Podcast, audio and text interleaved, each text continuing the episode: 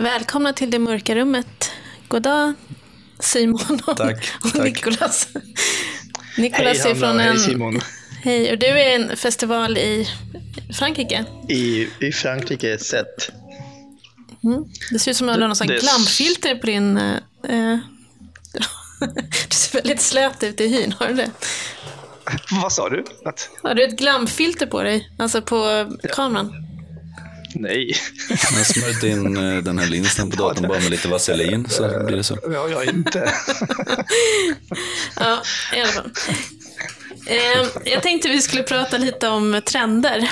För eh, vi jobbar ju i skolan allihopa. Eh, och där ser man ju lite hur, vad eleverna tycker är hett. Eh, men också om man går på utställningar eller kollar vilka fotoböcker som ges ut eller typ vem som får pris, vilka stipendium som kommer. Eh, så ser man ju att det kommer och går olika trender. Ehm, men för att jag tänkte bara att jag skulle ge er en liten snabbspolning av fotohistoria. Eller kanske inte er, för ni kanske känner till det, men kanske de som inte är lika insatta. För det, fanns, det finns ju liksom olika genrer och riktningar inom fotografi och ibland så pågår ju de också samtidigt, så jag kommer inte säga allihopa. Eh, Men vi börjar på 1900-talet. Jag ser ni somnar till här nu. Eh, Jag är vaken. Ja, okej, bra. Eh, jo, men då är det ju... Vi börjar med pikturalismen där. Suddiga, romantiska bilder, brudtonade, 20-talet, modernisterna, surrealisterna, da- dadaisterna, Man Ray, hela gänget i Paris. Sen kommer vi till Steglitz och hans magasin och hans galleri. Alltså ni förstår att jag går snabbt här. Okej, men han, han var ju liksom mer fokuserad på eh, att det skulle se snyggt ut än att det skulle vara ett smart ämne. Och utifrån han och hans grupp så kom ju den här straight photography. Och känner ni till det? Har ni? Ja. Okej, men jag kan bara, det är i alla fall, liksom, man kan säga att det är rakt fram, rakt upp och ner, se så mycket som möjligt. Som att kameran är, ser mer än ögat, brukar man säga. Och där hade vi väl Ansel Adams, Paul Strand, Edward Weston och dem. Det finns något som heter, alltså det är också F64-gänget eller? Är det samma? Ja, men precis. Och sen kom ju den här börskraschen och depressionen ehm, och hela FSA-projektet med Dorothea Lang och Walker Evans och liksom, man kan säga att dokumentärfotografi fick ett litet uppsving. Brassai höll på i Paris. Och sen kommer vi till typ 50-tal, Robert Frank, lite mer gestalta erfarenheter, lite mer gatufotografering. Och eh, vad blir det? Jo, men sen så kommer vi till 50-60-tal. Då är det mer subjektivt, dokumentärt. Alltså vad heter de? Diana Arbus, Ja, det blir flummigt på riktigt då. Vad sa du? Det blir flummigt på riktigt där någonstans. Ja, precis. men inte, jo, men en grej, just det, det här är ändå spännande, för att i Sverige samtidigt så var det ju ändå Sune Jonsson, och det var ju också dokumentärt, men ändå mer, man kallar väl det humanistisk dokumentärt, så kan vi eh, diskutera det. Men okej, okej, nu, nu ska vi skynda oss här lite. 60-70-tal, eh, fortfarande dokumentärt, man tog in det här med att fotografera det banala. Egglestone, färgfotografi. Ehm, just det. 70-80-tal, ko- mer konceptuellt. Och sen kom vi till 80-talet och det här postmoderna. Och det här är hela poängen med min genomgång är att jag var på eh, Moderna Museet och såg den här Sleep, Sleepless Nights. Mm. Har ni sett den? Nej.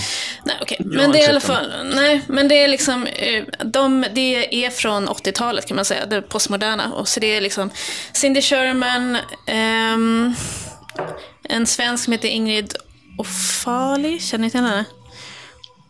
Ja, Nej. Nix. hon, okej, men eh, hon eh, var väldigt stor under den tiden, gjorde såna här också strykjärn. Alltså, man kan säga att det som är lite eh, generellt är att det är stora bilder iscensatt, konceptuellt. Eh, ofta ensamma verk eller liksom upprepningar. Mycket humor. Mycket färg. Men det är det som är så spännande när man går runt där, är ju att man ser att det är liksom det är från samma tid. Alltså de har blivit påverkade av varandra. De har blivit påverkade den tiden som, som de eh, verkade i. Eh, man kan se att det finns en trend i kopieringen, pappret, hur de, man ställer ut. Och därför har jag börjat tänka lite på det här med trender. Ehm, så, så då tänkte jag, vad har vi gått igenom för trender sen vi började med fotografi? Har du någon... Nu, nu menar du personligen vad vad vi har gått igenom? Ja, men jag tänker sen, alltså vi började väl, vi är väl födda på 80-talet allihopa, började med fotografi runt 90-2000 kanske. Och vilka liksom, trender har man genomlevt? Eh, hur har de påverkat den? Och hur man förhåller sig till trender? Har du någon trend Simon som du varit het när du var... Nej, men jag har ju förvandl- jag har ju blivit en väldigt snäll människa på äldre dagar. Som är väldigt eh, diplomatisk kring hur jag uttrycker mig om olika genrer. Men jag hatar ju de flesta. Eh, så i, om, man ska liksom, om man ska vara ärlig. Så, och, och, och så är det väl ofta lätt för att man har svårt att identifiera sig med, med vissa saker. Jag skulle inte påstå att jag har varit särskilt... Eh, själv har jag inte varit så trendkänslig. Jag tror att jag gav upp det tidigt bara på grund av att jag förstod att jag inte skulle lyckas hänga med ändå. Eller kanske ointresse, jag vet inte. Men det finns ju väldigt många som är duktiga på att intressera sig för det som är nytt och annorlunda och experimentera med sin konstform och kanske till och med utveckla den. Och det avundas jag väl kanske lite grann, men jag är ganska ointresserad av det själv. Att, eh, att så, testa gränserna för mediet eller liksom att hela tiden eh, testa det nya eller så. En annan grej som händer just när det kommer till trender är ju att de ger ju en frihet. Alltså, saker och ting som kanske kändes eh, som ett statement att göra har helt plötsligt då, alltså någon går in och, och på något sätt visar att nu är det här öppet för alla och då, då läses också verken på andra sätt och det gör att man, alltså det blir som, så hamnar man ju i trender tycker jag. Alltså att, att eh, ja, låt, jag kan inte komma på något vettigt exempel, men att, att om jag vill göra verk på ett visst sätt, men att om jag gör det 20, år 2000, liksom, då vore det sättet ett väldigt laddat och, och märkligt sätt att göra det på. Och sen så har det blivit, mer eller mindre blivit lite kutym sådär, och det kunde finnas en frihet i det. Och det har jag märkt till exempel när det kommer till, till något vi gjorde som var ganska trendigt, var att, att vi gjorde ganska billiga och enkla böcker och sådär när vi började göra det. Att Från en början så var det någonting som gjordes främst av folk som inte hade någon cred att förlora på det för man hade ändå inte råd att göra någonting annat. Så. Men ganska snabbt så, så fick hela den där eh, artistbok-rörelsen lite av en revival och det var helt plötsligt helt okej för alla att arbeta lite mer slött och, och slappt liksom på något sätt. Eller liksom löst och ledigt och enkelt och billigt. Och, och eh, det blev tillåtet, tyckte jag då i alla fall, att, att börja arbeta med billigare material och sådär. Vilket hade varit väldigt, alltså det var ju när jag började med fotografi var det väldigt mycket plexiglasmontering och, och sådär. Liksom. Och det var ju helt galet egentligen för studenter stod och de brände liksom enorma summor pengar på plexiglasmonteringar. Alltså, det var, var galet så. S- Smeta upp det på väggen, stjäl kop- liksom, färgkopiera upp det, visa grejerna är viktigare. Så det, tycker, det är väl en sån där trend som jag har sett som jag tycker är rätt skönt. Att, att eh, det har förändrats ganska mycket de senaste 15-20 åren. Så att den här ex- exklusiviteten i, i printen och så tycker jag verkar ha rubbats lite. Ja, men det kan man ju verkligen se hur folk ställer ut. Att det är olika trender. Men Det där- syns nästan tänker- mest där kan man tycka ibland att det syns på, bara på inramningar och så. Ja. Väldigt tydligt. Jag tycker man märker en trend nu att det börjar gå tillbaka till en väldigt traditionell. Alltså ett tag var det som att man, man skulle sätta upp, liksom, eh, klistra fast saker direkt på väggen. Och nu börjar det bli så här passepartout och gubbe. Sånt som- Passepartout har ju varit så jävla död under ganska Ja. lång tid och det är ganska roligt att den är tillbaks tycker jag. Som ett så basic sätt att hänga upp grejer på. Det är billigt som tusan också. Mm. Ja, jag är ett fan. Hur var, vi har ju liksom kommit lite från olika eh, håll kan man ju säga, men det var ju, alltså jag upplevde en stark trend av att det här med att man skulle fota sig själv och sin familj och liksom hur var det i, på Valand när du gick där? Var det... Ja men där hade man väl andra trender så och alltså den främsta trenden tycker jag som finns på den typen av konstinstitutioner eh, är ju eh, vad ska man säga det är en sån här väldigt eh, irriterande och, och, och privilegierad konst som ibland ägnar lite väl mycket tid åt att, åt att eh, fundera kring frågan vad konst är. Alltså, man är liksom högst upp på behovstrappan. Så man har liksom redan gjort konst om mat och sex och trygghet och allt. Så det enda man har kvar är liksom gör konst om själva konsten man har gjort och vad den är till för. Och sånt har jag alltid stört mig väldigt mycket på.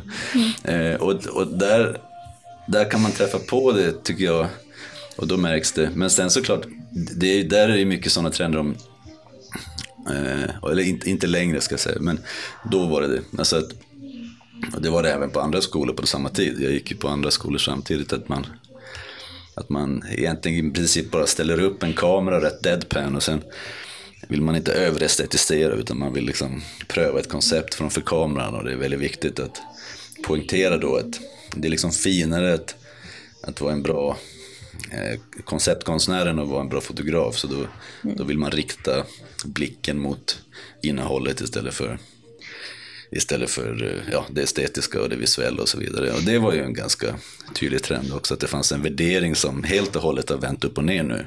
Mm. Att det är inte så längre, men det var väldigt mycket så då för 15, 20, 25 år sedan. Att, att det var jätteviktigt med de här eh, Alltså, man jobbade inte med det fotografiska materialet lika mycket som man jobbade med helt enkelt vad som var på bilden. Så, och, och det tycker jag man märker stor skillnad på idag. Ja, men för det har jag tänkt mycket. Just det att det, det känns som att förut var det stort intresse vad som var på bilden, ja. Men nu är det mer form. Alltså det är nästan ja. mer som att det spelar liksom inte så stor roll vad det är på bilden utan kanske mer eh, dels eh, att den ska vara så diffus som möjligt. Men materialet kanske. är inte längre neutralt heller. Förut så var, jag tror att det fanns en tid när fotografi bara var bild liksom. Och då var det inte så intressant att, att det var film och det var ljus som liksom gick i clinch med det här. Och, alltså, om vi, nu som alla som går in och jobbar med fotografi, ja men de kanske inte är intresserade av att kopiera som Ansel Adams kopister liksom. Men de är fan intresserade av hur det funkar med ljus och film och papper. De är mm. intresserade av det på det här tillmanssättet. Liksom. Mm. Så därför så blir det en viktig bit av det tror jag. Mm. Eh. Ja. Men Nico, vad, vad, har du upplevt för trender liksom, som har påverkat dig eller som du har sett passera? Jo, um, och det är som, som du säger, vi kommer ju från olika håll. Så när du pratar om trender så tror inte jag att jag har varit supermedveten om vilka trender som har påverkat mig så, här, eh, så tydligt. Jag tror att alla har påverkat mig någonstans och ändå inte. Men eh, sen så kom jag till en punkt att ja, det som var trend och det som jag liksom körde på det var svartvitt pressat film. Det var den enda trenden som jag kanske följde. Men eh, efter ett tag så var jag väldigt trött på det. Det var, det var väldigt så här, grafiskt. Men det var väldigt tomt egentligen när det handlade om innehåll. Men sen kom jag och såg en bok som hette eh, Farewell Photography som Daido Moriyama gjorde. Och då tänkte jag, okej, okay, den här trenden, om det är en trend, själva processen som fanns med i boken. För boken består av bara ofärdiga bilder om man säger så. Det finns ingen liksom färdig bild, det finns ingen klar bild, ingen bra bild. Det finns bara en process. Och den här mängden av bilder som skapar en, eh, en kropp, ett verk, det var den jag fastnade för. För där, där någonstans så frigjorde jag mig från den här idén om att min bild skulle vara en bra bild. Utan, utan nej, mina bilder kunde bestå av processen. Alltså, alla bilder tillsammans skulle skapa en berättelse. Och sen det kopplat till min personliga historia och eh, resan fram och tillbaka mellan två världar och så.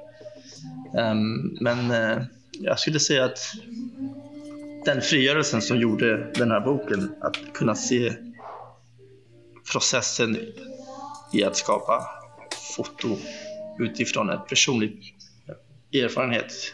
Det var det jag fastnade för.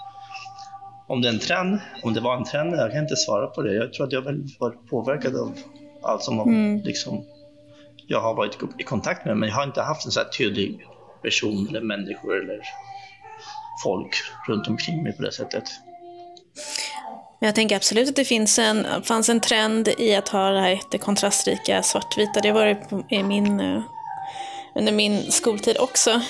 Och innan det så var det ju Annas, det här lite cyania som var väldigt hett. Och sen var det efter det så Martina Hoglands motljus, underexponerat. Alltså det har ju funnits liksom en hel del sådana. Och nu skulle jag säga att det är ganska mycket dimmigt, Martin Bogren. Men det här är kul för det finns en lång, det finns en extremt långt hopp här mellan Alltså vi har glömt en bit här emellan som jag märkt av ganska, alltså det är väldigt, väldigt nytt att vi har hamnat tillbaka i det här analoga. Mm. Det, är ju, och det märks inte minst på att eh, ja, men det, det, märks när man jobbar med utbildning. Som sagt, för, för fem år sedan fanns det inget labb här. Liksom. Det fanns inget mörkrum för ingen brydde sig. Mm. Och det ägnades några dagar åt det och sen var det inget mer med det. Liksom. Men att eh, idag eh, 10 av 10 jobbar analogt. Liksom. Eller alla jobbar analogt hela tiden. För, för bara tre fyra år sedan så var det viktigare att kunna erbjuda 3D-utbildning eh, och videoutbildning. För det var sådana tekniker som man var intresserad av. Mm. Eller att liksom klippa ljud och sådär. Och idag är det Idag är det helt och hållet analoga alternativa experimentella tekniker och folk kommer så pass långt att det blir som en, det blir en brist att man inte hinner lära sig våtplåt eller liksom ja. ganska avancerade tekniker. Så. Och här finns det en tydlig trend som jag tror kanske att vår generation också gärna hoppar över eller glömmer bort för att vi själva inte var med när det hände. Och det är den här eh, eh liksom Tumblr-generationen av fotografer. Mm. För då, vi har ju vuxit upp med kameror som, som fotografer och sen så jag märkte när jag började få en viss typ av studenter att det här är någonting som inte riktigt stämmer. Det är inte riktigt så som jag är van att det brukar vara. Så jag började fråga folk vilken deras första kamera hade varit och då var den vanligaste första kameran, vad då? Kan ni gissa vad det var?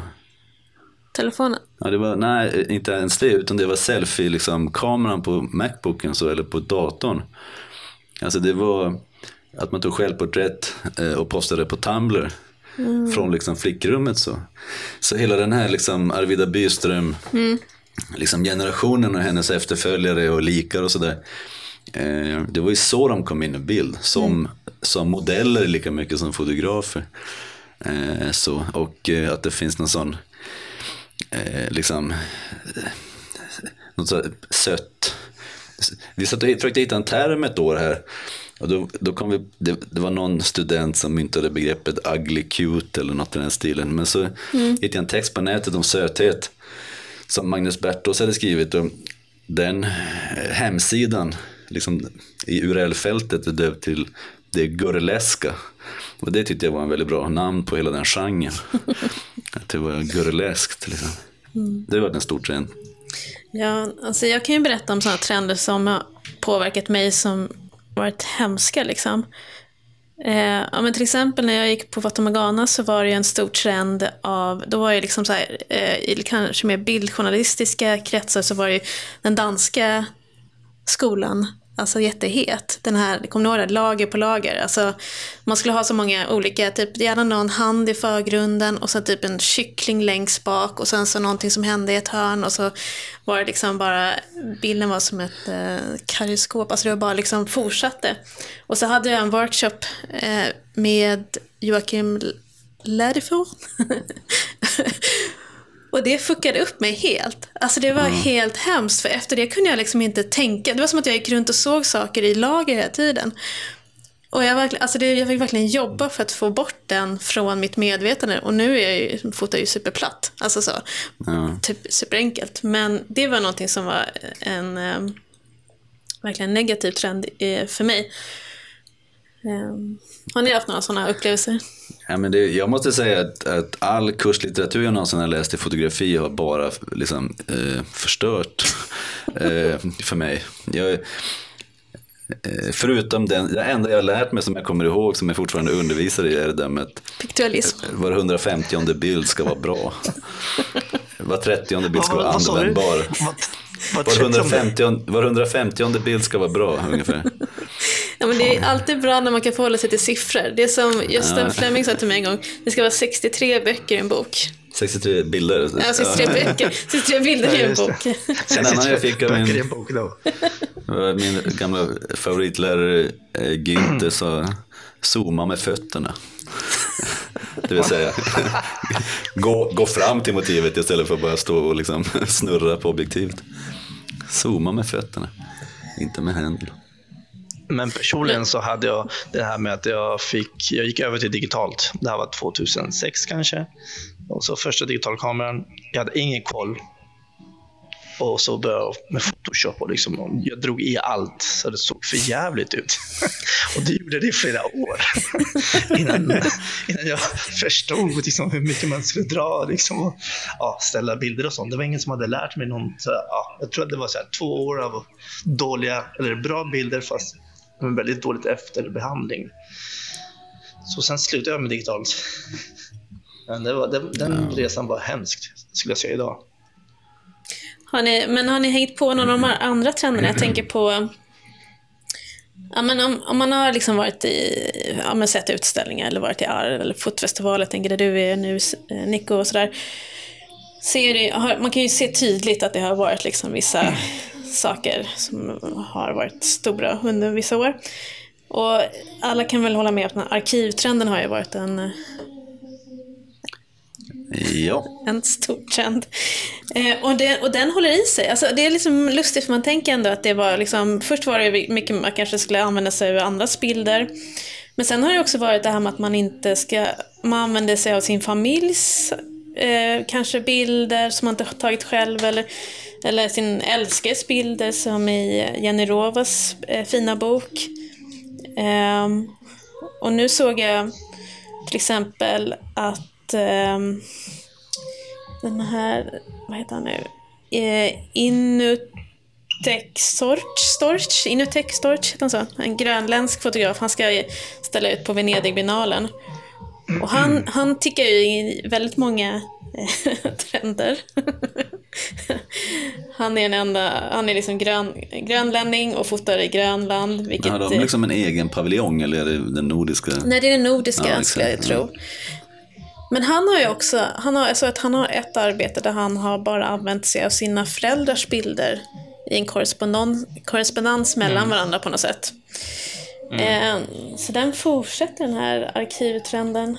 Men jag tycker det är kul för att någonting som hände där var ju att först, alltså vi hade de riktiga fotograferna och sen hade vi konstnärerna som i, om vi ska vara helt ärliga, ofta inte var lika bra fotografer liksom, som fotofotografen. fotofotograferna. Och det var ju konstnärerna som började med alla de här sätten att arbeta med fotografi på andra sätt. Man arbetade med arkivet och man arbetade med koncepten och man eh, hade mycket mer mixed media och så vidare. Liksom, de här liksom, postmoderna sätten att bara arbeta med det på andra sätt. Och, men, men sen så när det var liksom, och det är ganska tydligt då, alltså apropå trender, att när det sen var etablerat, då kunde ju på något sätt, då kunde de andra sen åka snålskjuts på det. Alltså för idag är det ju ganska vanligt att en, att en som kanske hade varit bildjournalist bara för 20 år sedan säger att nej fast jag har jobbat, det här projektet är lite mer konstnärligt, det här är inte riktigt sanningen eller här får man själv bilda sin egen, ja man, man bygger in det där mycket mer. Eh, Så, det är men jag, alltså om man, om man bara använder arkivet då vet jag inte, då, ja vad ska, vad ska man säga om det? Alltså jag har tänkt, jag, jag, men jag tycker ändå att det är så här, varje gång det är en trend så är det ändå som att jag liksom på något sätt försöker tänka på den liksom eh, så här, om man kan eh, på något sätt eh, mixa det med det man håller på med själv. Sådär. Och jag har ett stort Alltså, jag är liksom delvis uppvuxen på museum där min pappa har varit intendent på Etnografiska museet och har jättestor insikt i deras fotoarkiv och Sven Hedins bilder från liksom Gobiöknen och glasplåtar och hej och dit. Men jag får inte, alltså jag får ingen inspiration. Jag får verkligen inte någon. Och det är så det, synd, nej. men äh, jag det, kan varför är det liksom... synd? Vad bryr du dig om det bara ligger där och ruttar bort? Därför att man kan få pengar.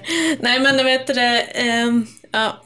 Rephotography, du får åka till samma platser och ta exakt likadana bilder och jämföra och sen göra något om klimatet. Eh, där finns det lite pengar att hämta. Typ. Men apropå arkiv så tycker jag, jag tycker att eh, jag har ett annat förhållande eller, ja, till det eftersom jag kommer från Sydamerika och så. Där har man använt arkivet alltid. I alla fall sen jag vet så har det varit ett, ett medel, ett sätt att liksom göra bilder eller konst eller fotoböcker. Men också för att det inte funnits så mycket eh, material. Det var väldigt, väldigt fattigt. Ehm, så det, det sättet att jobba på var ju väldigt så här normalt. Det är ingen, ingen trend sådär. Det är så här, nästan så här tråkigt. Så här, ja, okej, ska du köpa arkiv? Men jag har märkt att, här i Europa det, det väldigt så här, inte nytt, men jag kan se att det finns en viss trend så där i det som jag tycker om, men jag vet inte riktigt. Men Jag kan inte, jag kan inte just säga om det är en trend eller inte, för jag har inte bott här tillräckligt länge. Men jag kan säga att för mig känns som väldigt naturligt att man gör det. När man jobbar med personliga Men, projekt. men hur gör man då? Alltså, menar du att man använder sig av sina liksom, släktingars bilder eller går man till liksom, Ja. museum? Ja, hur men, jo, jag tänker så. Att säga att du ska eh, skildra din familj eller din släkt eller, eller ja, eh, en viss persons historia. Så använder du deras bilder eller dina, dina bilder, din familjs bilder. Mm. Och det gör man väldigt mycket. Men å andra sidan, om jag skulle kanske bli konstnär idag eller fotograf idag, då tror inte jag skulle fota. Jag tror att jag skulle bara jobba med andras bilder. Mm. Jag, jag sa det till någon elev som eh, går på valen nu, som var vår elev från förra året. Jag bara, du behöver inte ta några bilder. Du har alla bilder där ute, du har alla idéer du behöver. Och det finns gott om bilder som du kan jobba med. Men det är väl lite så, så spännande. Susanne Miselas jobbar. Hon, hon arbetar ju också med andras bilder. Eller så kan man göra som han, vad heter han? Inte, inte som köttet Kassel... Kassel... Kassel? Ja, Kassel? Erik, Erik, Erik, Erik Kessel. Erik Kessel. Kessel, Ja. Kassler, ja. Men, Med ja, men ananas alltså, ja. och grädde. Erik Kass, Erik Kass och eh, Harry eh, som osten, Gruyère. Han gör ju inte det, men han heter också som en maträtt. Eh, ja, men okej. Men det finns jag, jag tänkte på en annan trend som har varit när jag har varit i Arl under några år som jag bara hoppas ska lugna ner sig lite. Jag tror att den har på väg... Den, jag tror att den började med Taryn Sa- eh, Simon när hon gjorde de här eh, hennes verk liksom. Och sen så, det, man, kan, man kan kalla den som en, som en journalistisk typ av bildkonst. Vet ni vilka jag pratar om? Typ? Alltså det är, så här är det. Man kan säga att det är, eh, om jag ska beskriva hur det kan vara så är det som att ehm, hon, gör, hon ställer inte ut det på det sättet, men oftast är det kanske, det är som en rebus. Det kan vara att det handlar om ett eh, giftutsläpp på en ort. Och så ser man ett porträtt på en som har varit med om det. Så sen ser man en bild på en, eh, ett dokument när någon har tryckt ut ett papper som handlar om giftutsläppet. Sen får man se en bild på en tunna som är giftutsläppet. Och sen ser någon liten installation.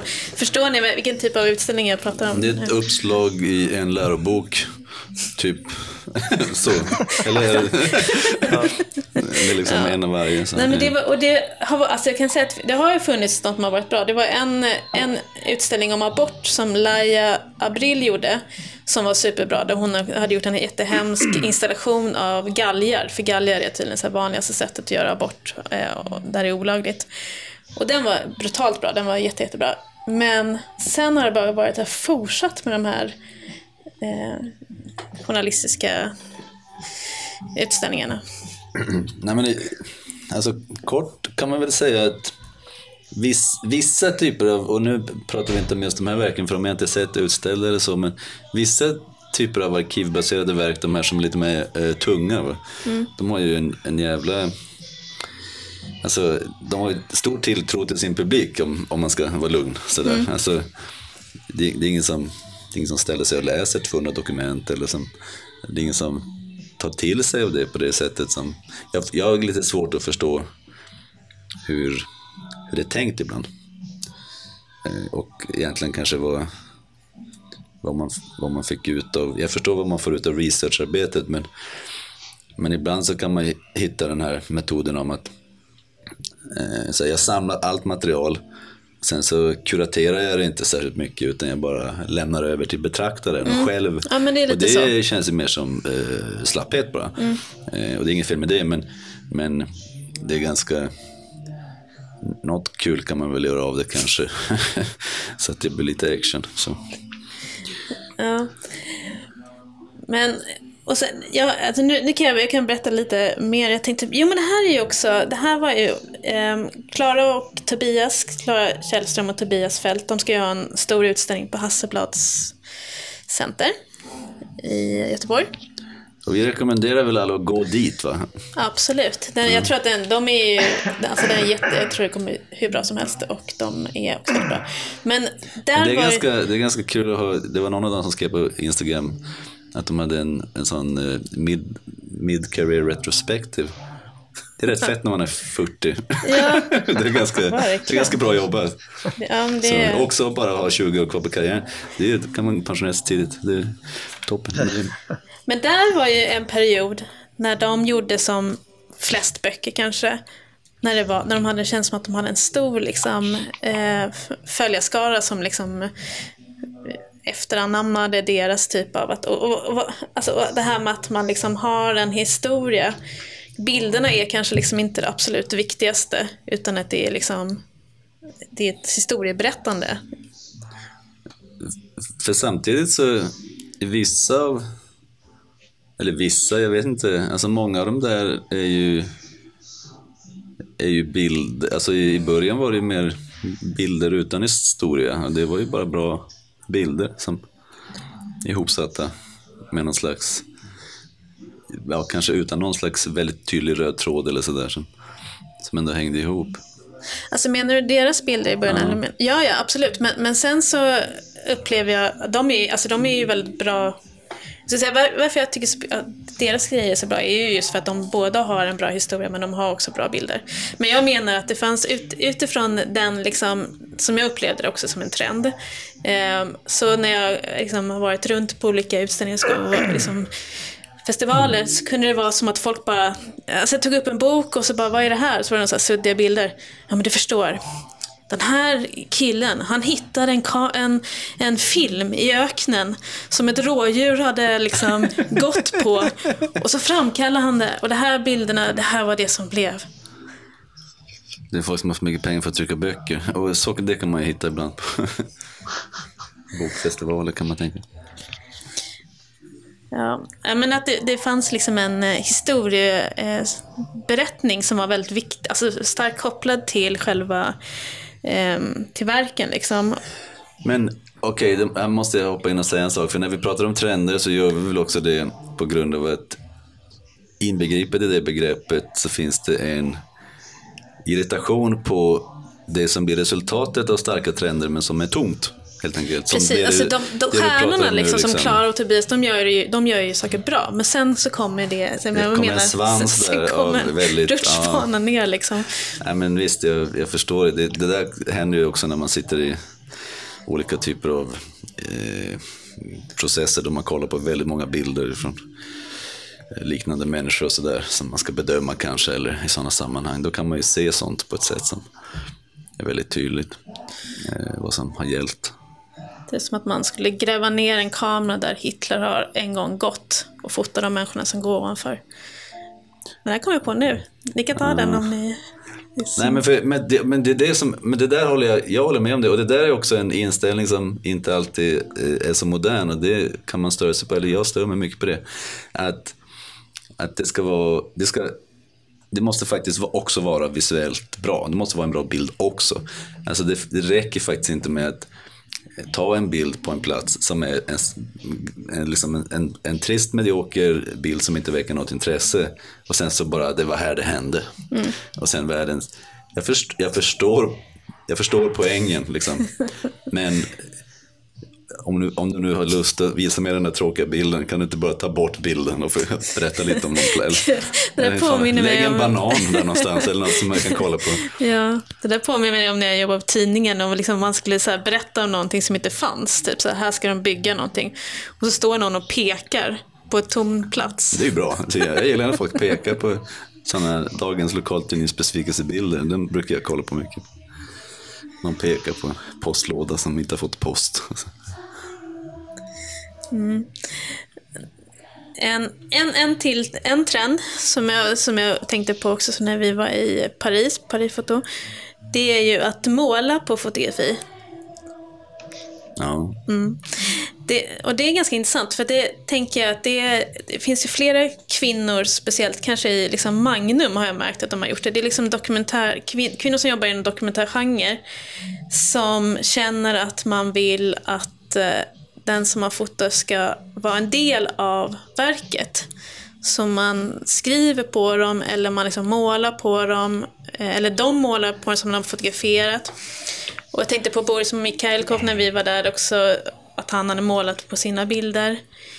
Ehm, det är som att man ehm, skäms över att det är bara ett fotografi.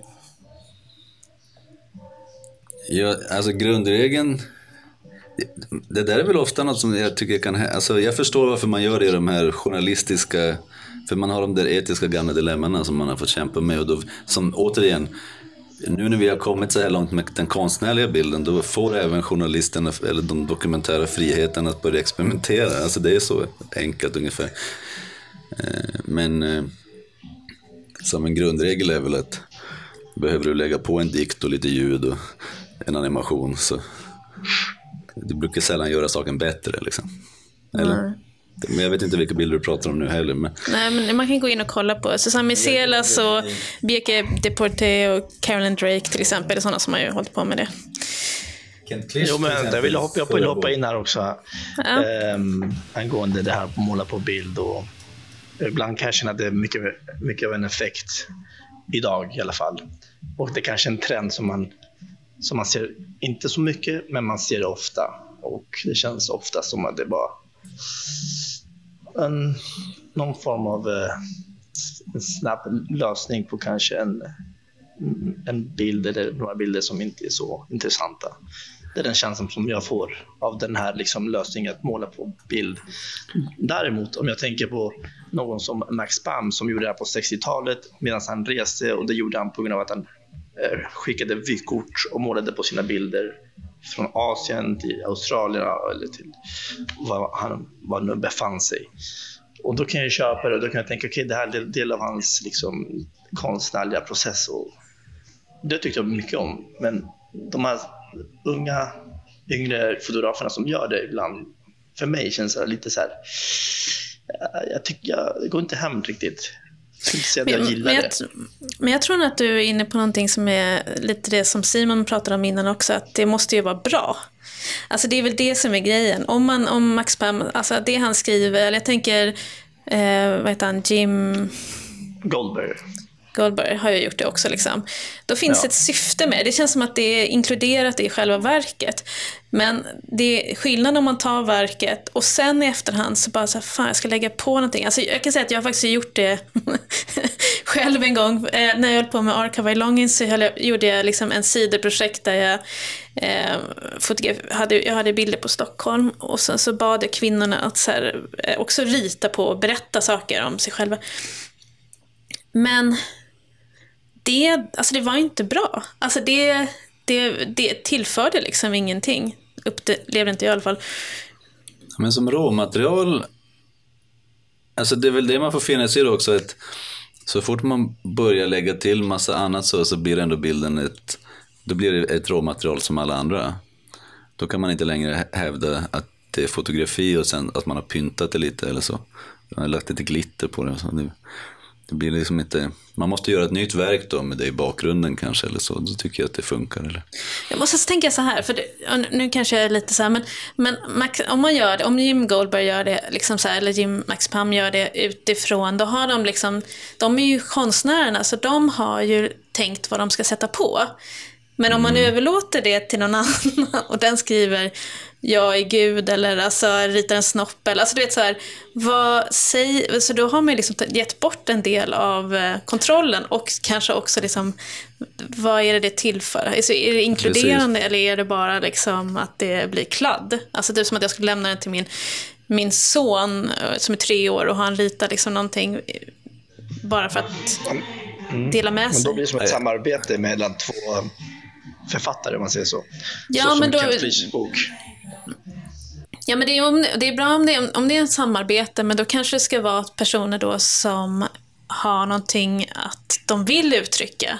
Alltså tillsammans. Alltså... Ja, men man får, och jag tror också, jag, vet, jag, tänker, jag känner också folk som har jobbat med det där både själva på egen hand men också med andra. Det kräver ju rätt hårt urval och hårt redigerande i slutändan. Ja. Man kan ju inte göra ett arbete med, för ofta hamnar man i sådana där problem att okej, okay, jag har porträtterat någon och nu vill jag få mer om för annars blir det här knasigt. Mm.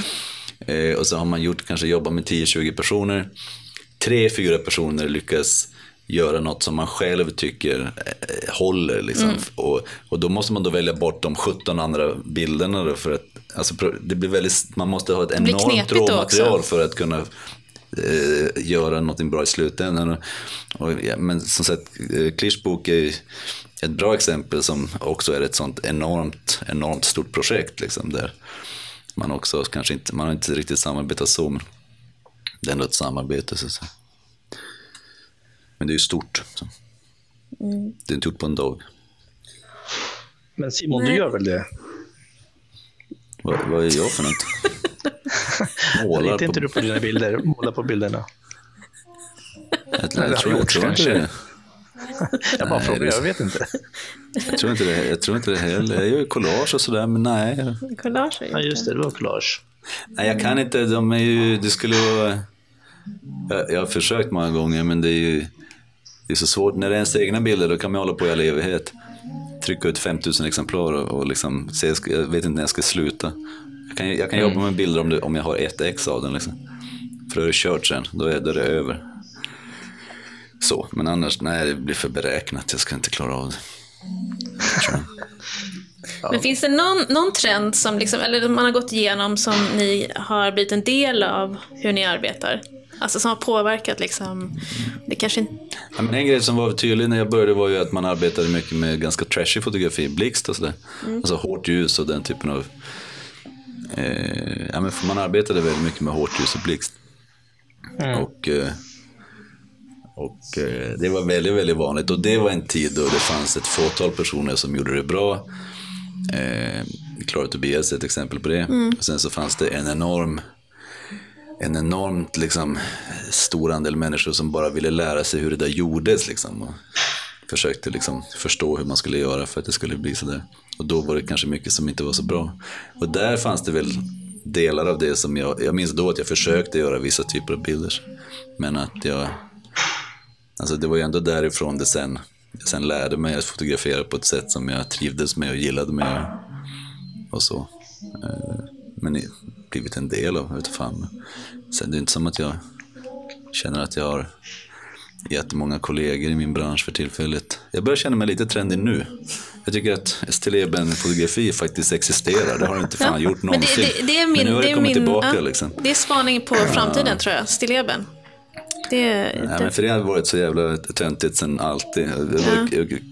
Men eh, helt plötsligt så, och framförallt äckliga stilleben har ju blivit ja. rätt poppis. Så det tycker jag är kul att det finns, eh, att det finns igen. Mm. Nico, har du någon sån där som har blivit del av hur du arbetar? Någonting som du liksom tog upp och så bara... Alltså jag har samma småbildskamera som jag hade när jag började fota. Exakt samma. Ja. Uh, och den lilla kameran med blixten har ju följt med. Den är ju del av mig. Så um, kanske det. Och sen um, den här dagboks... Um, idén om att man ska försöka liksom samla på sig material i dagboksform och liksom att det finns liksom ett berättande och sen eh, i efterhand att man gör ett urval. Och då kanske lite av eh, Robert Frank blandat mm. med Daido Moriyama-känslan, det, det är kvar hos mig. Jag, jag älskar processen. Jag, jag mm. älskar den, den delen av, av fotande. Det, det tycker jag är roligast, när det inte är färdigt. Mm. Och du då, Hanna? Ja, men alltså, Ehm, att blanda färg och svartvitt var liksom en... Det kom upp när jag gick i skolan. Och det är jag jätteglad att jag... Det var förbjudet då, eller? Innan. Ja. Innan var det förbjudet. Och sen så Var jag tror... J, nej men, nej men det, det gjorde man inte så mycket. Men sen så var, jag tror att JH liksom var en av dem som jag såg som gjorde det. Och blev väl liksom inspirerad av det. Och jag är så himla glad att jag gör det. För att jag känner verkligen att för mig så kan jag hantera båda ganska fritt liksom. Det, det kommer ganska eh, naturligt. Så det, det, det är någonting som jag hållit kvar vid. Det är också vä- väldigt stort för mig, det du säger nu Hanna, faktiskt. Det hade jag jättesvårt för. Eh, alla sa nej, men det ska vara svartvitt, eller så ska det vara färg. Jag, jag var ju superloss i det. Och, eh, och sen plötsligt så såg jag en kille som heter Mark Morrisroe eh, eh, från USA. Och han fotade liksom, han blandade allt. Allt. Han dog på 80-talet. Eh, och han körde mycket polaroid, svartvit färg.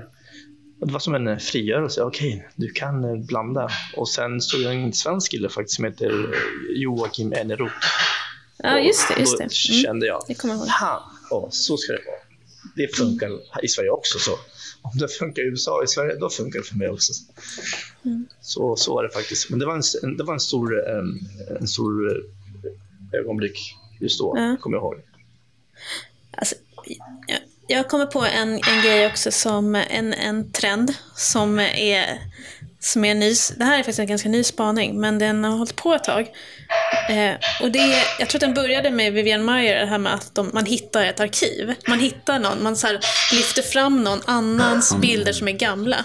Och den har jag bara sett att den har liksom spinnet, speciellt vad det gäller dokumentära bilder. För att dokumentära bilder blir, växer ju liksom, alltså folk kan distansera sig efter en 20 år och känna, behöver inte känna något dåligt samvete eller någonting. Utan, och, och bilderna kan, kan också sälja för att de är en annan tid.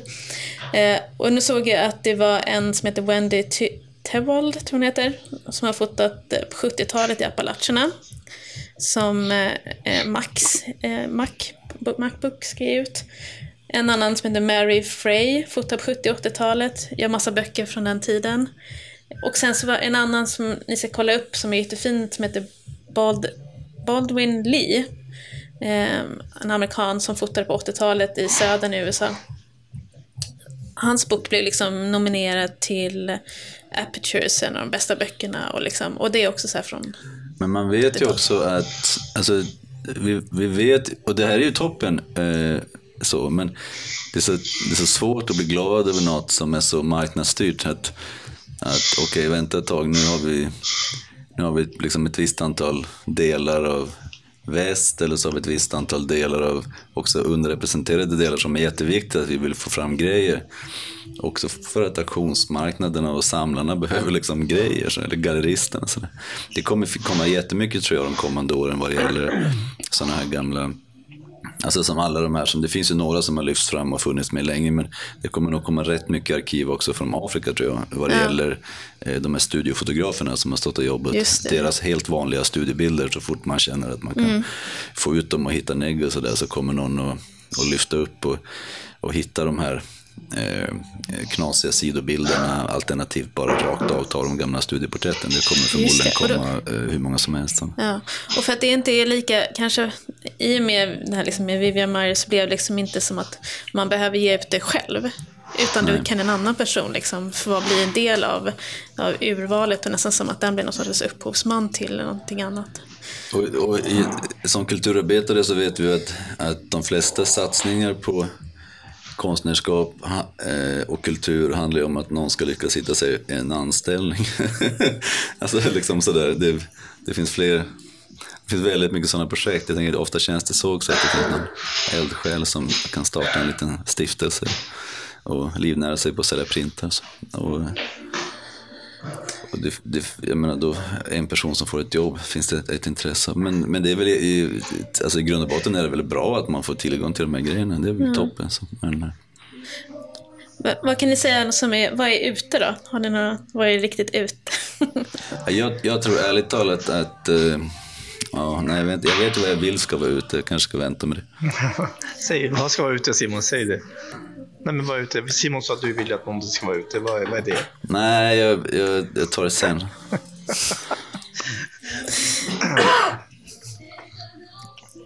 Vad är ute? Ja, vad är det mest omoderna för tillfället? En bra fråga. Jag, Att vara en vit man. Ja, just det. ja, Martin Parr. Ja. ja, Martin Porr är såklart jätteute. Men eh, jag tycker, ja, det finns en grej som jag tycker Resa. är lite ute, som har varit... Jag sitter och kollar mycket på, jag brukar ibland hitta märkliga ställen för att kolla på, och om man kollar på vad som gjordes på eh, konsthögskolorna och så på, vad ska man säga, i början av den här postmoderna liksom, tiden när man skulle börja arbeta konceptuellt. Då var koncepten rätt märkliga. Alltså om idag så handlar de väldigt ofta om innehåll och de kanske då går över i att de är för innehållstunga.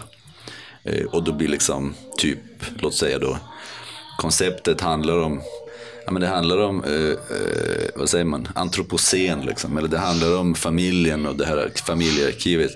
Men på den här tiden, alltså nu snackar vi någonstans runt mitten av 90-talet kanske. Det kommer en massa arbeten som är konceptuella på sättet jag har eh, ja, men ett exempel som jag hittade och nu kommer jag tyvärr inte ihåg, eh, ihåg namnet på den här mannen men han postade dem på Facebook. Det var att han hade, han hade bokat träff med en massa klasskamrater och han skulle möta dem klockan sex på morgonen och fota dem nyvakna. Och sen så dök han upp halv sex. Sen tog han ett porträtt utanför deras dörr. Det var ett sånt koncept som var rätt det är så ett lite knasigt koncept. Jag har en annan bokare i bokhyllan med en tjej som har fotat sig varje dag när hon kommer hem. Alltså en, en självporträtt när hon kommer hem ifrån krogen ibland och är trött och ibland tidigt från jobbet och så vidare. Det är bara likadana bilder. Det är en typ av koncept som jag finner, ja man kan hitta det på Paris Photo på museum och sådär men det görs väldigt lite sådana. Jag ska fota mig varje natt när jag sover och så vidare. Den typen av koncept känns ganska ute för tillfället. Men också så här, vi pratade om det vid något tillfälle med så här, överarbetade bilder. Alltså så här, photoshops överarbetade bilder. Liksom. Så airbrush. liksom. Ja, men Håller- också det här med kanske att förvränga lite. Eller Retalux-aktiga liksom. ehm, Ja, verkligen. Den var ju superhet när jag gick i skolan också. Eh, Loretta Lux gör alltså någon slags halvsurrealistiska fantasibilder som byggde mycket på det byggde ju mycket på Photoshop-kunskaper och liksom att allting var precis lite för realistiskt för att vara verkligt. Liksom, det är något barn som står med någon trumma och allting är lite, färgerna är lite för starka och allt är lite för slick liksom och det är lite obehagligt. Det, det har jag inte sett på länge måste jag erkänna. Det har jag inte sett på väldigt länge. Nej. Men jag tänker så här, om man, om, alltså trender brukar ju liksom följa samhällsutvecklingen på samma sätt. Så att om jag tänker om, om det skulle vara någon typ av liksom pikturalism nu, och snart kommer ju en börskrasch, det vet ni ju. Mm. Men jag vet vad nästa trend är. Ja, vad är det? Eller jag vet vad jag hoppas på i alla fall. Och det är något som, alltså man har länge gått omkring och pratat om konstnären som entreprenör. Konstnären som någon som ska kunna sitta med sin laptop och i princip beställa tjänster och så vidare. Eh, det är en idiotuppfattning om konstnärskap. För eh, att arbeta konstnärligt, för mig i alla fall, är ett sätt att inte bli alienerad utan att tvärtom vara liksom med händerna i jorden och göra något, liksom göra något som är på riktigt. Så. Och nu blir det liksom värre och värre med så AI att, att det finns ju ingen poäng med att göra konst ifall man, alltså ju mer man kan lämna bort på andra desto mindre mening är det ju med, med själva yrket eller ja, vad ska man säga, själva positionen. Det är ju inte ett yrke riktigt, men, men själva positionen att hålla på med konst. Så, så jag tror och hoppas att att det blir en, den motreaktionen som man redan kan börja se att i det digitala så gjorde att folk drogs till det analoga. Liksom. Hantverket har blivit viktigare och viktigare. Och jag tror att det kommer bli mycket mer att folk faktiskt vill göra saker hellre än bra. Alltså att folk blir mer och mer intresserade av att faktiskt ha gjort det själv. Att inte bara skicka liksom att, ja men varför ska jag lära mig att göra C-printar när de gör det bättre på det här företaget? Varför ska jag lära mig att göra det här när jag kan liksom låta någon som redan vet hur man gör. Utan tvärtom att det finns ett större intresse av att faktiskt själv stå för hela processen.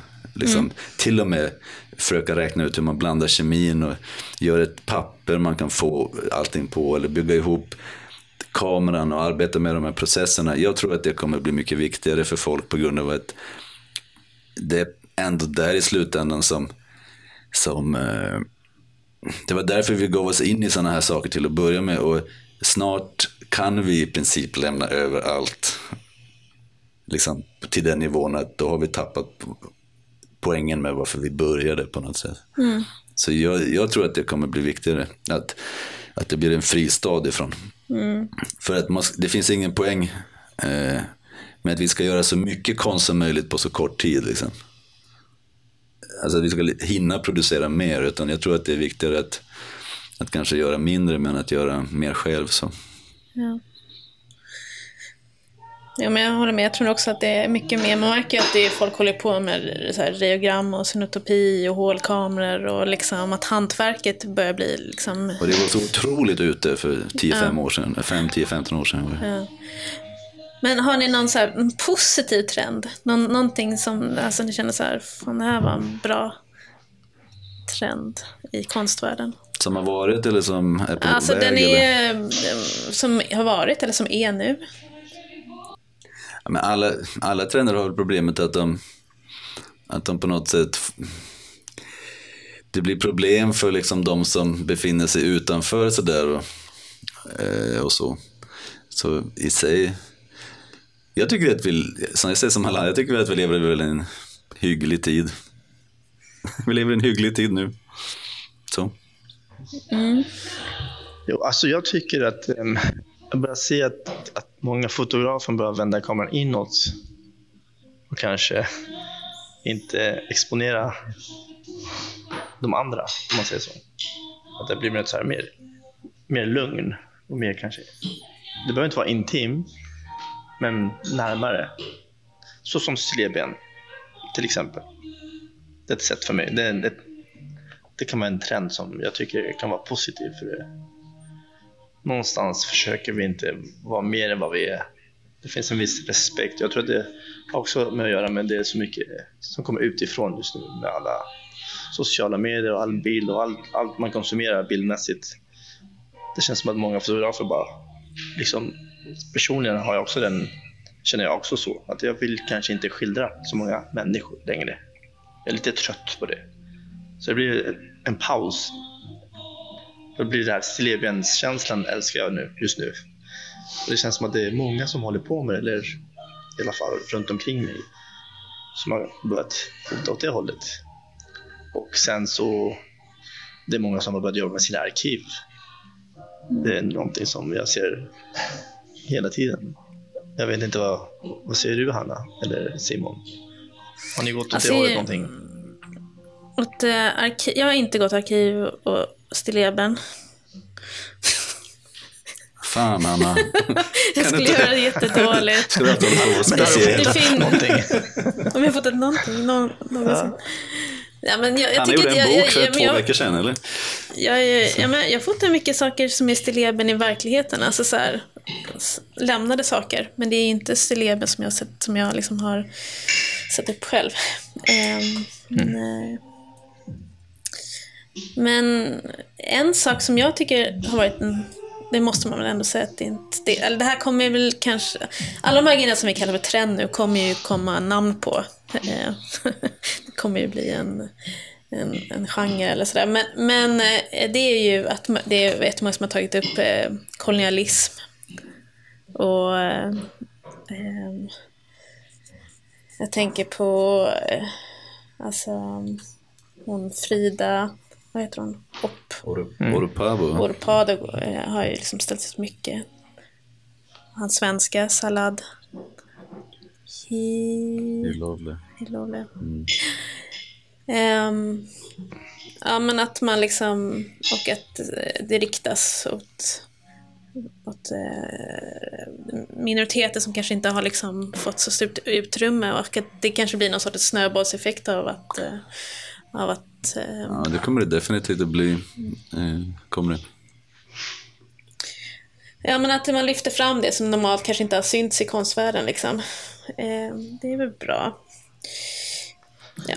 Men det positiva med TEN tänker jag väl att det liksom på något sätt ska det speglar ändå samhället. Eh, alltså lite vad som händer och att man försöker hitta tekniken liksom eller jag vet inte om det är trenden som följer tekniken, eller tekniken följer trenden. Jag, vet Jag, jag, tror att tekniken verkligen påverkar trenderna extremt mm. mycket. För det var jättemycket saker som inte... Alltså jag minns själv när vi började göra böcker eh, så kom ju samtidigt de här digitala liksom, pressarna och så som gjorde att man kunde börja göra grejer i små upplagor och så. Det blev väldigt, väldigt mycket billigare. Och innan det så hade ju de digitala systemen kommit som bara det gjorde att det blev mycket, mycket billigare att göra böcker. Så att Eh, det är klart att det påverkade och gjorde en skjuts i liksom bokproduktionen på samma sätt som idag ser vi jättemycket sådana här tapetserade bilder på vägg eller vi ser jättemycket bild på massa märkliga material hela tiden. Liksom på allt ifrån siden till, jag har själv jobbat med olika typer av reklammaterial och sådär. Och det är ju svinlätt för det är svinbilligt. Liksom. Man beställer en mm. sån jättevädertålig flagga som är två meter bred och kostar tusen spänn. Liksom. Och sen har man en sån ifall man vill. Bara för man kan testa sådana grejer hela tiden. Eller man kan beställa liksom, tändsticksaskar med sina bilder för mm. någon tusenlapp och så har man det. Liksom. Och, och, eh, så det påverkar rätt mycket. Jag, jag, hade ett galleri i Brasilien som gjorde mina kläder som baddräkter. Och, Eh, ja, mina collage hade de som baddräkter. Det var skitfint så köttfärs skulle det stå på. Brasilien? ja, det var ett brasilianskt. Men det kan ju inte ha varit mycket tygstycken på dem. Nej, alltså, det kan nej precis. De beskar sig märkligt, så, men de blev ganska fina. Men de gjorde inte bara, de gjorde inte bara baddräkter, de gjorde scarves och en tråd av lite annat. Så. Men det var, det var främst baddräkter, faktiskt, t-shirts. Nej, men, bodies var det liksom, så de var inte, de var inte riktigt lika stringiga. Liksom. Det var lite... Det var lite mer tyg på dem. De var poppis tydligen. Mm. Ja, men hur, jag tänker hur, hur, hur man förhåller sig till de här trenderna. För att liksom, samtidigt som det är så här, det är jättebra att det finns trender som för liksom, saker framåt, man får upp saken för nya ämnen och eh, hitta nya tekniker och sådär. Men sen så tänker jag liksom att det är en sak som, är, som jag kan tycka är svårt, det är ju att det finns en en ängslighet i konstvärlden av att man då ska hela tiden följa det som är i, internationellt i, i trenden. Och, mm. eh, och även typ tänker jag när man söker pengar, så alltså det märks ju um, i... Um, Men det, rikt, alltså, en tydlig trend är ju att alla man söker pengar och vill att man ska kunna förklara vad man håller på med. Mm. Eh, det är inte mitt jobb för det första. Det finns andra som är utbildade i sånt. Jag ska göra grejerna liksom. Så, så det är liksom tio gånger lättare att få pengar om man kan om man kan motivera det. Det är jättesvårt att få projektstöd om man säger att man ska låsa in sig i studion i sex månader. Nej, och sen också liksom att det måste ha en, du måste ha en personlig koppling också. Har inte, är det inte lite så också? Att på något sätt ja, så måste du ha, liksom, du, kan, du kan inte bara berätta att du är en teknisk, liksom, utan du ska också säga någonting om din uh, såriga uppväxt. Ja, Nej, men så är det såklart. Och sen ska det, det också vara politiskt korrekt och det ska vara ja, det ska, det ska fylla väldigt många, väldigt många punkter som måste vara med så att det, så att det går hem. Det blir lite tråkigt. Mm. Men jag tycker vi kan skylla allt det här på, på folk som kallar sig kuratorer. Allt är väl deras fel va? De som vill hitta på olika eh, sådana men pratar vi nu om dåliga trender eller bra eller trender? Nej, men typ hur man förhåller sig. För jag menar, det är ju så här att på något sätt så kan man ju liksom inte, du kan inte bara fortsätta riktigt i, i ditt spår om du ska söka stipendium till exempel. Alltså du kan ju göra det, men du ja. måste ju liksom formulera det på ett sätt som att du faktiskt ska kunna få pengar liksom. Ja, men en, en trend som är, det är ju den tvärvetenskapliga trenden som är att, och den är ju också då en teknisk uppfinning kan man säga för att eh, konstskolorna har blivit en del av de liksom, statliga universiteten och sådär. Alltså då finns det forskarpengar att få och tvärvetenskap underlättar på något sätt sånt. Så det, jag har en uppfattning om att det, att det lönar sig rätt väl att sitta på dubbla utbildningar och sådär som konstnär. Och det är ju någonting fint egentligen, men ibland så tror jag att man tappar bort... Eh, ja, jag tycker att man kanske viktar fel ibland. Sådär. När man säger att eh, man, kan göra, man kan göra väldigt bra konst om man har kompetens inom ett annat område. Men det är ju verkligen långt ifrån en garant. Om du förstår vad jag menar, att man är utbildad.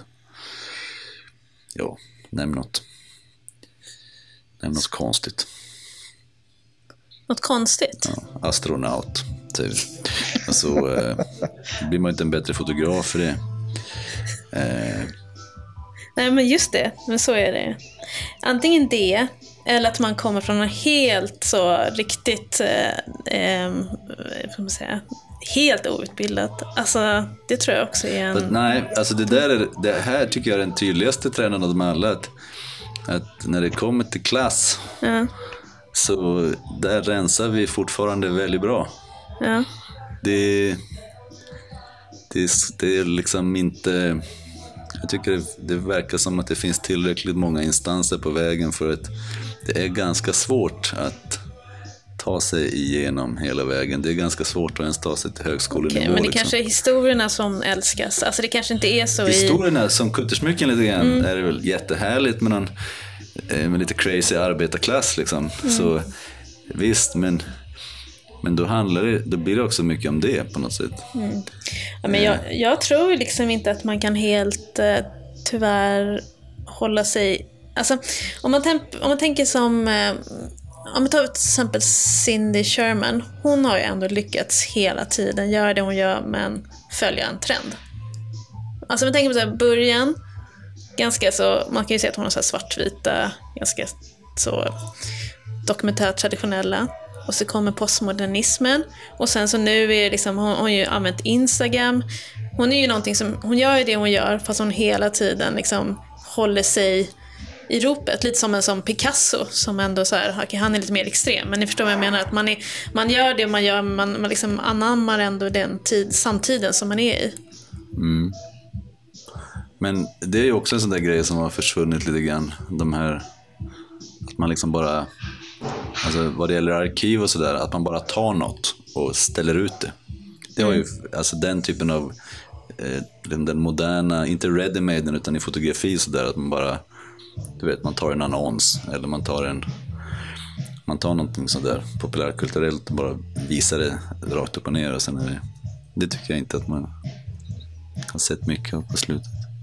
Men Cindy Sherman var väl eh, modern eller? Jag vet inte. Alltså, om man är modern. Hon var väl modern? Ja, men hon är fortfarande ställd sig ut. Hon har ju aldrig varit riktigt omodern. Alltså hon har ju ändå hela tiden lyckats hålla sig liksom... Ja, men jag författar tänker- inte med vissa som är så här, jag tänker på, alltså vissa som bara kör sin grej typ hela, hela tiden. Jag, jag, Jag tänker Cindy Sherman är ju lite kanon men hon är ju inte särskilt omtyckt bland det yngre gardet. De är supertrötta på henne. Så, med eh, all rätt kanske. Nej men... ehm, Juno jag Calypso. ser- Ja. Men i alla fall, alltså, på ett sätt så tycker jag ju, man kan ju inte forcera fram en trend heller. Alltså, jag har ju också, man har ju försökt göra saker som man inte, som inte är ens, eh, eh, som man inte har energi med. Alltså jag tänker så att det, det viktigaste är väl ändå att man bara får inspiration att skapa. Och det liksom, och tvingar man sig in i någonting så, bli, så gör man ju inte det. Alltså då, då, får man ju, då jobbar man ju inte helt enkelt. Som fotograf är det ju det är kul att sitta här och gnälla lite, över det lite grann och, och bara väldigt, väldigt ostrukturerat fundera på vad man har varit utsatt för och så. Men det är ju som mode bara. Alltså, eh, har, man, har man inte utsvängda byxor på 70-talet så ser man dum ut. Och har man det på 90-talet så, så ser man jättedum ut. alltså liksom, det är inga konstigheter. Fast, Det är bara att följa. Men- man gör ju bara som man gör. Och men Simon, att, nu, nu är ju liksom modet att man ska ha jättelågt skurna jeans. Kommer du ha det då? Nej, fast nu är jag ju så gammal så att jag kan vara bara en, en, liksom en, en gubbe, så jag behöver inte tänka på något. Det kommer inte visa kalsongkanten. Jo, alltså jag har ju köpt såna från uh, Dressman. Så att den ska... Du, Jag ska med. fortsätta klä dig svart. ja. Ja, nej, men jag tror också att det, det, det blir pinsammare ju äldre man blir. Man kan inte hålla på och liksom vara... Nu ska jag... Men, men jag håller med 100% i alla fall i det Hanna sa om eh, Cindy Sherman och med, parallellt med Picasso som körde samma grej hela tiden. Och sen var de ute och sen var de inne igen, sen var de ute, sen var de inne. Men ändå så lyckas de bara, ja, alltid vara trendiga någonstans. Och jag tror att de trenderna, om man ska kalla dem för trender, överlever. Mm. Medan Men- men, andra eh, som är så här, ja, som, som, man, som man härmar andra och liksom, de går liksom över väldigt fort. Och det känns väldigt så här ytligt och pålagt. Men det kan ju upplevas som att man inte har någon ståndpunkt. Som att man, är, som att, att man inte har en, en inre trygghet när man liksom vänder sig åt olika håll. Liksom. Nej, verkligen. Men bra kvalitet kommer alltid att överleva. Det är så jäkla tydligt när man lyssnar på musik. att Ja. liksom Riktigt bra så släpbas-funk är fortfarande förbannat bra. Och riktigt liksom 80-tals syntig Cohen är fortfarande jättebra. Och Ja. 90-tals indiepop, ja 90 av de där banden var faktiskt skit. Ingen kunde sjunga, men de som var bra var faktiskt jättebra. Liksom. Eh, så så det, kvalitet överlever. Okej, men, men om ni, när tror, när, om ni tar, tittar på ert eget typ av eh, fotografi, när skulle ni vara trendigast? 1685. S- Varför då? Nej, jag skojar bara. Jag, För då skulle du varit den första som fotograferade. exakt så. Det hade jag kunnat. hur tänker du, Jag- Hanna? Vad skulle du vara det då? Nej, men jag tror... Ja, men det är väl typ runt 60-tal. Ja, Sune Jonsson, Winogrand, Eggleston. Alltså den, då, Om jag hade gjort det jag gjorde så då, då kände jag att jag hade varit i, i symbios med tiden. Men, men samtidigt så... det- Jag vet inte. en eh, humanist Eggleston liksom, som glider runt. Alltså, I, som, så där det, inte, där jag, det är okej att jag inte är... är Jo. Någon annan 60-talet i Chile, det hade varit bra för mig. Jag hade varit död nu i alla fall.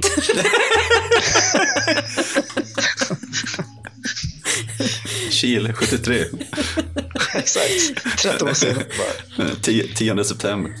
Det hade, Ja, elfte.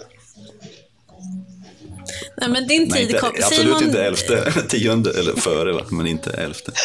Simon din, din tid kommer ju komma. Eh, Jag Ja, säger men- 2030. ja, men jag skulle gärna vilja vara klar. Liksom. Klar. Så att man har jobbat klart när man blir inne. Så- Så att man är färdig. Tror att du kommer någonsin... Man gör allt, lägger det på hög. Och sen, kan, sen börjar det jobba. Så, så 65-70 någon gång där. Jag vet inte vad det blir. Det är bara 30 år kvar. Mm. 2053 Mm. 2015. Nej, men som sagt, jag, det, jag tycker det märks ganska tydligt. Att men det, det kanske är så. Och då, känner, då är man såhär, man gud, kommer ni ihåg de här korvarna som var... allting sen. Plötsligt blir det väldigt exotiskt. Ja, just det. När folk fortfarande hade råd, kunde äta kött när det fanns. Just det. Så innan man måste mm. äta sådana larver istället. Ja. Du då, Nico? Nej, jag vill inte vara klar. Jag vill inte. Det ska ta slut. Eller, eller vad tänker du? Om jag måste bes- bestämma nu? Om, nej, men om du skulle väl, om du tror att din, när, liksom, din typ av fotografi skulle varit som trendigast? För mig? 60-talet som jag sa. Ja, Chile. och sex- Hade, ja, just på, det. på. Det var det, var jag hade blivit mördad sen när Pinochet kom till makten. Hade jag Ja, blivit du menar mördad, allvar. men, men det hade funkat. Absolut. Men du hade kommit till Sverige då med alla andra konstnärer. Exakt. Det hade varit lugnt. Det hade varit lugnt. Det var Ja. lugnt. Nej, men jag, jag tycker att det hade varit väldigt roligt att jobba i den absoluta begynnelsen när liksom fotografi upptäcktes, tycker jag. Gud vad tungt. Ja, men just att Fysiskt, arbeta, alltså. nej, men att arbeta konstnärligt när det fortfarande var Alltså alla de här gamla numren av, av Fotografisk tidskrift och så, när det, när det helt och hållet handlade om, att, om kemi. Att under den tiden lyckas använda de här teknikerna. Alltså att jobba med daguerreotyper. Helt och hållet liksom, konstnärliga stilleben med daguerreotyper. Eller framförallt autokromer hade jag velat jobba med, de här som kom i början på mitten på 1800-talet. Som är färgglasplåtar. Och bara jobba med sådana hela dagarna, det hade varit fantastiskt. De går ju fan inte att göra. Det hade jag gillat. Och Då hade man, jag och han, Veson Kronqvist hade fått ligga i moderna samlingar. Så, jättefint bakbelyst. Ja, men jag kan se det.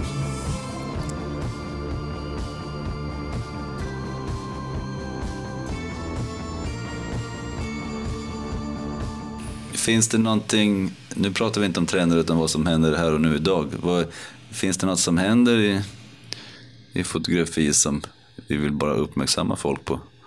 Har du sett något bra Nico i Frankrike? Eller har det, finns det någon utställning eller något som, några böcker man ska kolla på? Har det hänt något i, i fotovärlden de senaste dagarna? Alltså det, det, jag, det som jag tänker på det är just att han har grönländaren Inutex Dorch, Eller, alltså, jag har liksom namndyslexi, eller jag har faktiskt dyslexi. Men jag kan inte uttala hans namn. Men han är, eh, ska ställa ut på Venedigbiennalen. Det är ändå, Mm, det är coolt. det är ändå stort, tänker jag, för att vara den typen av fotografi. Jag vet inte vilka som har gjort det så mycket, men Och eh, Anna Klaréns nya bok eh, har kommit också. Den såg jag igår. Den ser fin ut. Har du sett den? ja, jag har den. Den är jättefin. Och vad, är, vad, är, vad är de tydligaste trenderna i Frankrike, Nico? Alltså jag ska ut ikväll och kolla på alla utställningarna och böcker och sådär. Så jag har inte sett så mycket. Men mm, så jag kan inte uttala mig faktiskt. Jag, jag har bara varit här på hotellet ju, idag. Men eh, idag blir det lite att kika och titta på bilder och får, kolla på vad som händer och lite på böcker. Eh, Däremot har jag sett att böckerna är inte så dyra ännu här. Jag. I alla fall. Men, eh, och vad händer i, i Sverige idag? Är det någonting förutom det han alltså? näst, nästa vecka på Galleri Kontrast är en bra utställning på onsdag. Just det, det är bra. Mm, där kan ni se de nyaste trenderna. Där kan man se de senaste trenderna, vad som kommer vad, vad gälla om 5-10 år. Ja, det är mycket bra det. Det blir bra det. Det är från onsdag till söndag. Ja, man kan gå och hämta ett gratis ex av en fotomagasin där också. Ja, just det. Och Klara, när öppnar Klara och Tobbe på, på Hasselblad? Det är väl nästa helg. Bra. Ja, nej men eh, Vet alla vad de kul ska med göra. trender. Man, det är lite, ibland kan jag bara känna lite att trender är liksom som så här, kejsarens nya kläder. Att man, eh, vissa gör det bra och vissa pratar alla om och så är det ingenting där. Jag skulle säga att det var tur att vi inte kom in för mycket på de, mest, de bästa exemplen. För det kan både ha att göra med humör och sen så kan det kan bli lite taskigt, utlämnande för att hänga ut folk man tycker håller på och sådär. Men visst, men det är det. Ibland, ibland, i alla fall när man är på dåligt humör så, så tycker man att saker och ting är så förbannat ytligt liksom, och dumt att det bara är någon som har gjort bild enligt receptet. Liksom. Ja. Pryl, kroppsdel, bakgrund, eh, exponering. Liksom. Men sen Ja. är det inget mer med det. Men då är det som du säger, det är ju kuratorernas fel. Det är ju inte allt är kuratorernas fel. ja. bra avslutning. Tack. Nej men alltså det är bra att man inte går in där. För att jag tycker att 90% är skit. Och sen 10% sådär.